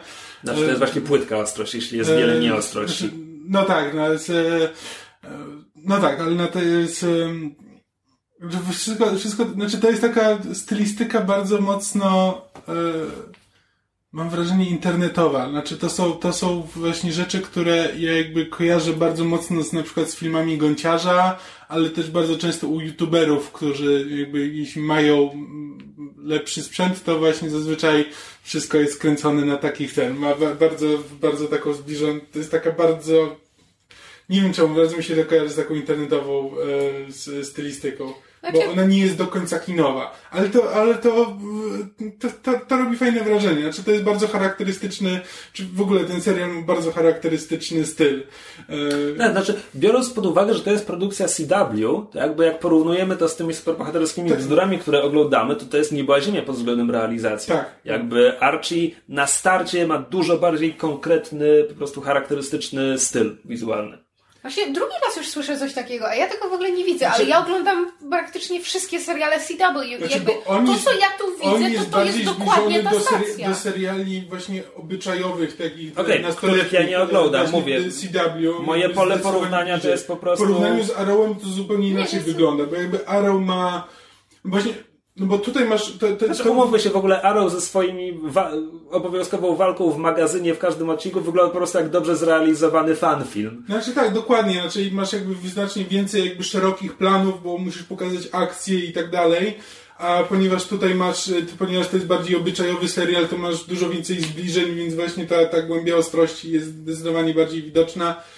Yy, I znaczy, jeżeli wiesz, jeżeli ktoś ogląda The Vampire Diaries, jest, The tak. Originals, y, co tam jeszcze jest, Pretty Little Liars, Gossip Girl, Znaczy, ja nie oglądam tych seriali, ale jakby kojarzę, jak wyglądają. Znaczy, tam interesowałem się nimi, tam zazwyczaj oglądałem jakby jakieś recenzje czy materiały i tak dalej, więc jakby wiem, jak one wyglądają. I właśnie one mi się, z tym mi się kojarzą. Co? Pretty Little Liars może nie być to CW, już nie pamiętam, no nieważne. W każdym razie, znaczy, ja się zgadzam z tym, że to jest bardzo wizualnie, fajnie nakręcony serial i podoba mi się właśnie zawieszenie tego klimatu gdzieś pomiędzy um, Gossip Girl a Twin Peaks. Zresztą też pod względem klimatu i fabuły również z domieszką Dawson's Creek. Zresztą nie bez powodu, bo się śmiejesz, że Arrow Czekam i Flash... na Karła mówiącego od tyłu w takim wypadku. Śmieszysz, śmiejesz się, że Arrow i Flash mają inny styl. E, executive producerem tego jest Berlanti, który przecież odpowiada za całe CW DC Universe i żeby było śmieszniej, był też związany z Dawson's Creek. W związku z tym tutaj tych koneksji jest bardzo wiele. I zgadzam się z tym, że wizualnie to jest bardzo ładny serial i fajnie jest nakręcony. Natomiast bawi mnie to, że drugi raz już słyszę komentarz, że to jest coś innego, Which it isn't. To znaczy, jeżeli ktoś ogląda seriale The CW, no, to po prostu... Tylko na tle jakby seriali Rozumiem. komiksowych. Nie, tylko chciałam podkreślić, że jakby wbrew pozorom to nie jest evenement nie, dla, tej, dla tej stacji. Nie twierdzę, że jest. E, natomiast e, oczywiście wpasowuje się też w inne e, ramy seriali The CW, to znaczy wszyscy są piękni. No tak. Właśnie ten motyw pod tytułem, że ludzie wrócili z wakacji i nagle Archie ma six-pack i w ogóle Jughead jest jednym z bliźniaków z The Sweet Life of Zack and Cody, co mnie strasznie bawi, ale z drugiej strony Dylan Spruce bardzo fajnie wy wypada w tej roli, jakkolwiek by ona niewielka w tym momencie nie była. Czasami moi rodzice mówią, jak się czują, jak próbują słuchać tego podcastu i właśnie zaczynam ich rozumieć. E... Natomiast... Hmm. Mówiłaś, że masz mnóstwo zasłonięć do tego pilota. Podziel się. Tak. Ma, znaczy, jest tam wiele fajnych elementów. To znaczy, podkreślam jeszcze raz, ja nie czytałam tego relaunchu, nie wiem na ile um, to, co widzimy w pierwszym odcinku e, serialu ma się do tych nowych komiksów, natomiast znaczy, nie wiem, to, to nie jest tak, że oni biorą fabułę z relaunchu. Nie, ale właśnie... Wizerunki postaci co najwyżej. Właśnie nie tylko wizerunki, bo na przykład y, fakt, że to, to Ikabot mówił w swojej recenzji, że jakby relaunch też wiele rzeczy zmienił pod względem tego, jak te postacie są przedstawiane, właśnie jakby starał się je odstereotypizować, bardziej urealnić, te konflikty stały się też mniej takie e, na zasadzie wiesz, Saturday morning cartoon, gdzie przeczytasz przy kawie i zapomnisz, tylko starają się poruszać głębsze kwestie i jakoś bardziej się w te postaci um, zagłębić. I wydaje mi się, że to zostało do, do serialu przeniesione, czy w jakiś sposób um, zakranizowane. Natomiast to jest ciekawe jakby, wydaje mi się, że serial można oglądać nie znając tych komiksów, natomiast jeżeli ktoś te komiksy oryginalne, oryginalne, znaczy w sensie te, ten stary um, ran, że tak powiem, z lat 90., czy nawet jeszcze wcześniej, wcześniejszych zna, to jakby ciekawe jest właśnie to porównanie, bo e, po pierwsze wyłapywanie smaczków wziętych e, niemalże bezpośrednio z kadrów komiksowych, czy jakichś takich szczegółów, które fani rozpoznają, jak na przykład czapka Jugheada, która jest bardzo charakterystyczna, czy tam um, ten, e, ten e, Pop's Chocolate Shop, czyli ten, ten diner, w którym oni się tam spotykają. Fajne jest właśnie to reinterpretowanie postaci, czyli niby mamy na przykład Betty, która jest tą grzeczną, e, idealną dziewczyną z sąsiedztwa, ale tutaj w serialu mamy wyraźnie pokazane, że jej matka jest apodyktyczna, że między nimi jest bardzo dużo starć, że coś, jest, coś się stało z jej siostrą, że Betty bierze Adderall i nie tak naprawdę nie bardzo wiemy dlaczego, ale z trailerów do kolejnych, znaczy z, z trailera serialu, czyli jakby takiego, prawda, skrótu, tam mamy jakiś zlepek scen, możemy wnioskować, że ona też ma jakieś problemy, z, nie wiem, ze sobą, z agresją, z czymś. Mamy na przykład Weronikę, która jest w, w komiksach. To nie jest tak, że ona była niemiła albo wredna, ale jednak zawsze była. O mój Boże, stopniu... to Betty zabiła Jasona. E, w pewnym stopniu zawsze była to jednak e, ten uprzywilejowaną, trochę rozwydrzoną córeczką tatusia, bogatą. E, a tutaj mamy właśnie troszeczkę na odwrót, to znaczy owszem, ona jakby stamtąd pochodzi, no ale mamy, mamy powiedziane, że ona chce się zmienić, chce być lepszą osobą.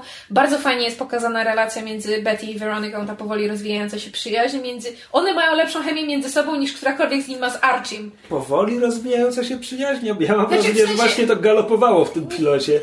Tak, ale chodzi mi o to, że jakby widać, że to jest dopiero początek, że tam będzie jeszcze wiele, wiesz, rozmów, kłótni, godzenia się i tak dalej. Jakby to jest w sensie początek ich relacji. Dobrze, nieważne. E... Dobra, bo mówiłaś, że masz mnóstwo zastrzeżeń do tego pilota. Czekam na nie. No tak, no ale próbuję... I'm trying to soften the blow, no. e... Ale z drugiej strony... E... I nie, to się wytnie. E, I na przykład bardzo mi się podoba, jak, jak e, wypada e, matka Weroniki. Bo właśnie to też jest jakby wbrew stereotypowi, że nie mamy, prawda, tej wrednej, jakiejś utytułowanej, bogatej damulki, która chce swoją córkę kontrolować i w ogóle ma fochy o to, że musiała się przeprowadzić do miasteczka, z którego pochodzi, bo jej mąż jest E, zrobił jakiś przekręt finansowy, tylko właśnie ma raczej pozytywną relację z Weroniką. Ze wszystkich postaci rodziców wydaje się najbardziej ułożona z tego, co widzieliśmy do tej pory, co jakby w kontekście tego, jaką postacią mogłaby być, bardzo mi się podoba. Natomiast abstrahując od tego wszystkiego,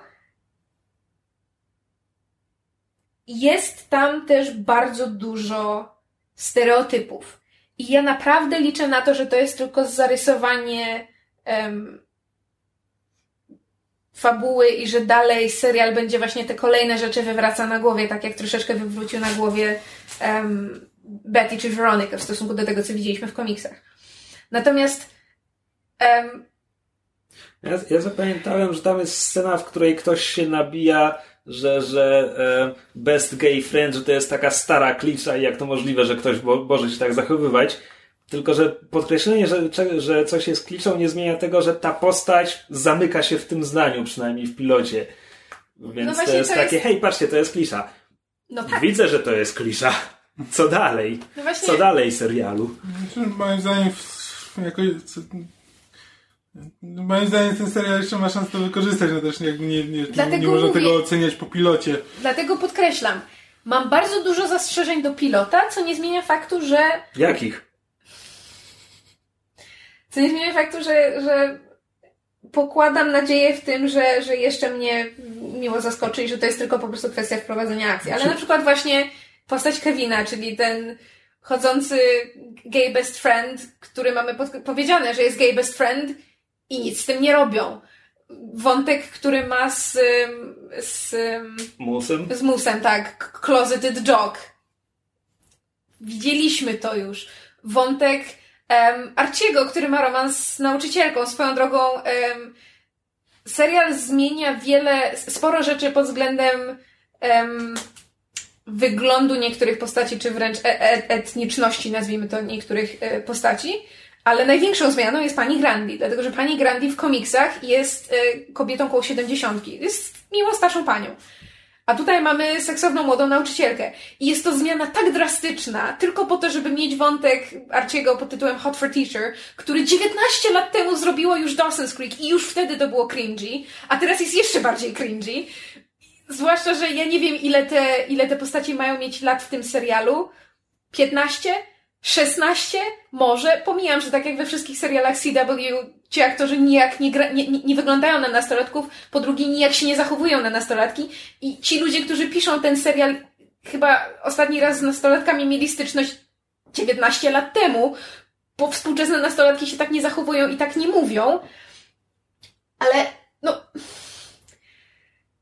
I, i ten, ten, ten Jughead, który jest w komiksach jest najlepszym przyjacielem Arciego, jest jakby jego przeciwwagą, bo Archie tak naprawdę jest nudny i on jest najciekawszy właśnie w relacjach z innymi postaciami, co zresztą serial jakby pokazuje, no bo Archie jest kromką białego pieczywa i on wcale nie jest interesujący. I jakby zrobienie z Jackheada tego zaskakująco wszechwiedzącego narratora, który mówi rzeczy, które się dopiero wydarzą, a... No, może opowiada nam to po fakcie 20 znaczy, lat później podsumowuje wydarzenia. Co, nie do końca, bo to, te sceny, kiedy jest pokazane, jak on pisze tę swoją powieść i jak to narratoruje i potem jak jest jego rozmowa z Archim, co wiemy, że jakby jego narracja i ta rozmowa z Archim teoretycznie się chyba dzieją na, w, w, tym samym czasie, znaczy jakby na tej samej płaszczyźnie, a potem mamy... Nie, czemu?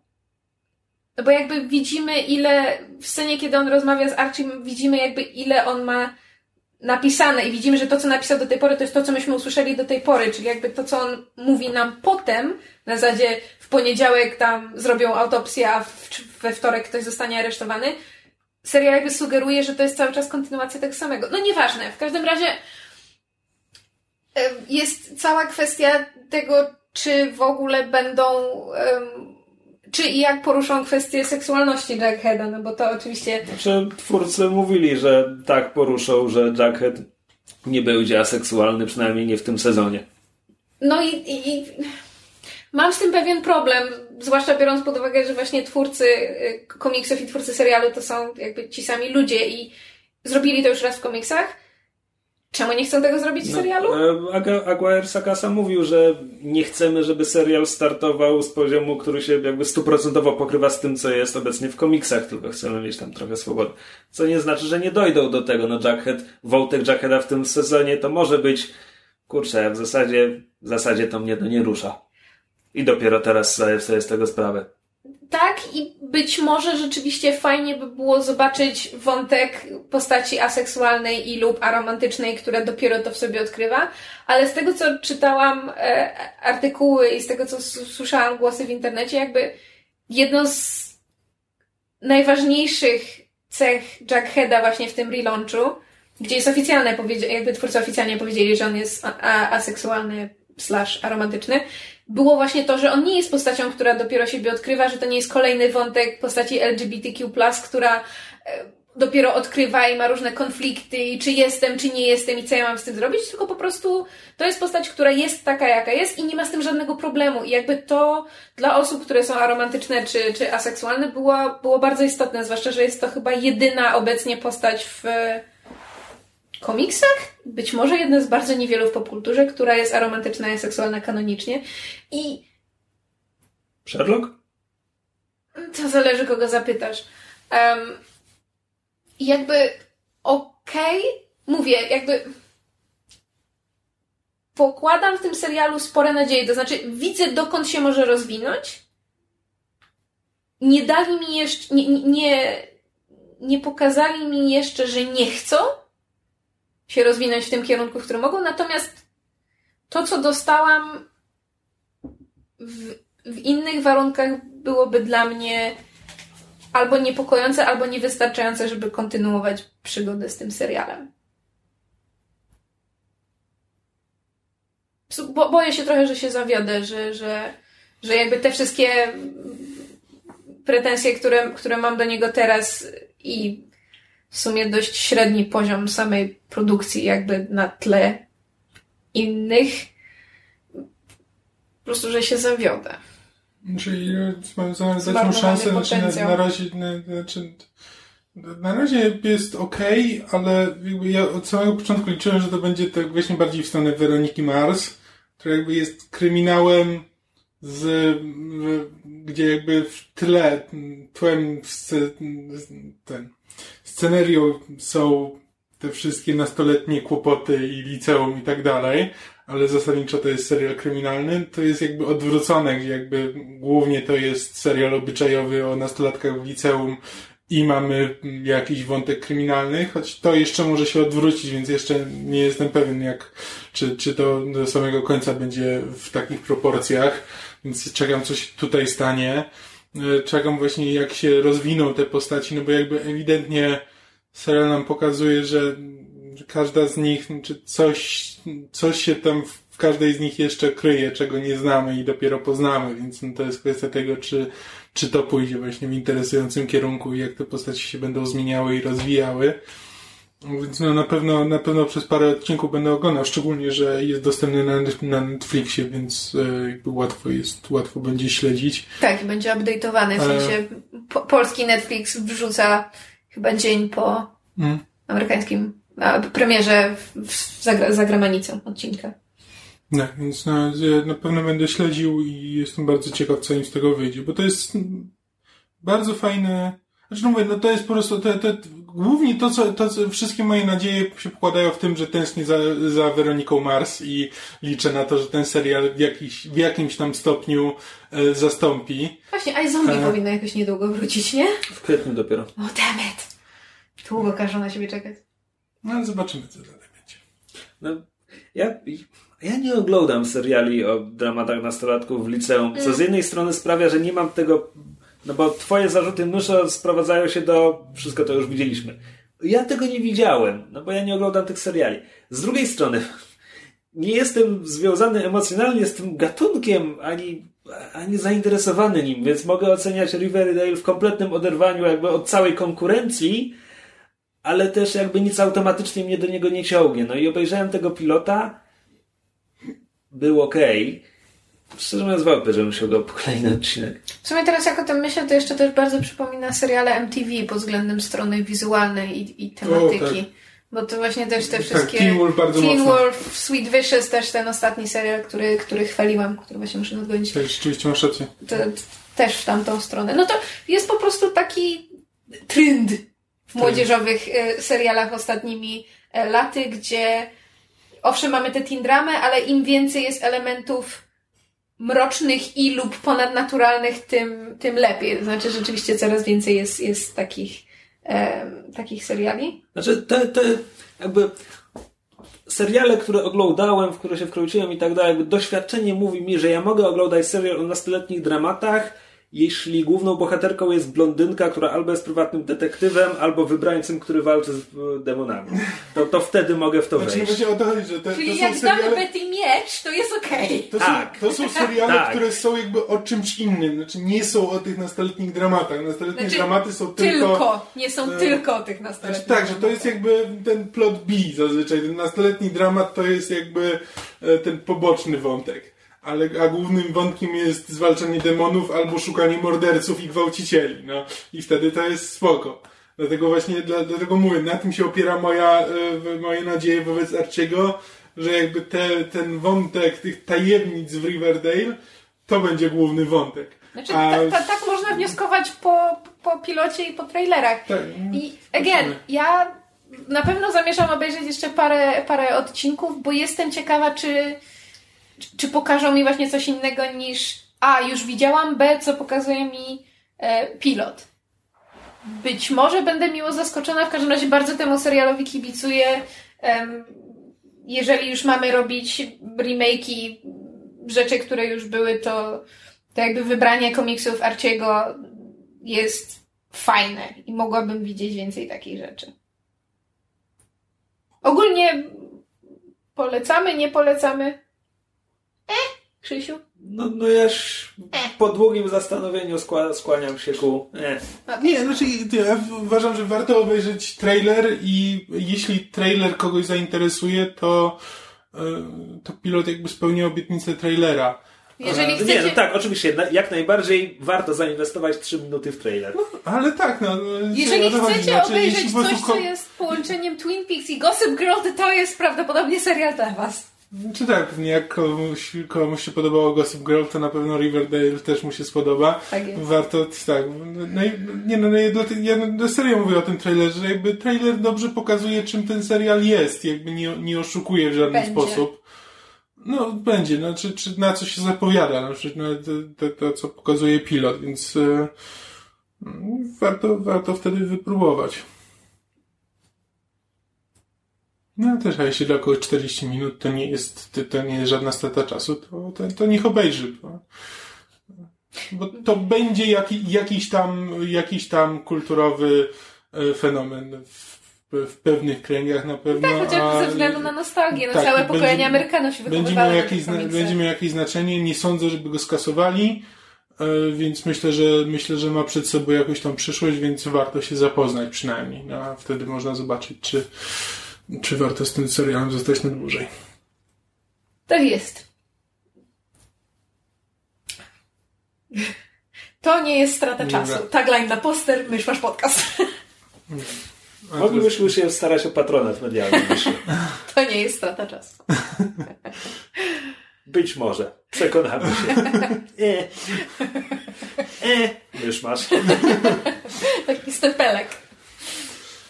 E, tak, i tym e, myślę kończymy już na dzisiaj odcinek. Dziękujemy Wam bardzo za uwagę. Jak zwykle zachęcamy do e, wysyłania swoich przemyśleń i komentarzy. Możemy mieć taką skalę ocen e, od, e, od najwyższej.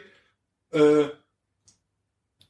ach, ech, uch. I nasza trzystopniowa skala ocen.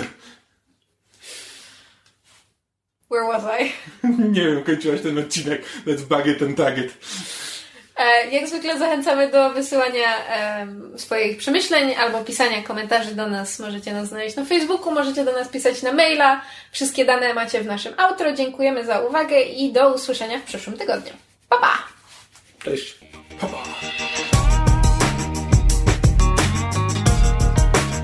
Słuchaliście podcastu Myszmasz. Możecie nas znaleźć na myszmasz.pl lub polubić nasz fanpage na Facebooku. Możecie nam także wysłać maila na myszmaszpodcast.gmail.com Próbuję wymyślić zwierzątko. Ten. Łoś nad jeziorem. Low hanging fruit. Come on. Jeśli do nas napiszecie, będziemy szczęśliwi jak mrówki na pikniku. Sugar, tu, tu, tu, tu, tu, tu. Oh, honey, honey. No? Nie mam to jest pojęcia, co ona robi. z Archim. Yes! No to jest piosenka, którą śpiewali The Archies, czyli em, zespół złożony z bohaterów komiksów w serialu animowanym, który był na podstawie komiksów. To jest, To, to jest pochodzi z tego serialu? tak, to jest piosenka A, fikcyjnego zespołu The Archies złożonego z bohaterów komiksu. Okej. The more you know. Aha. Nie. Podałem swoje. Fuck you.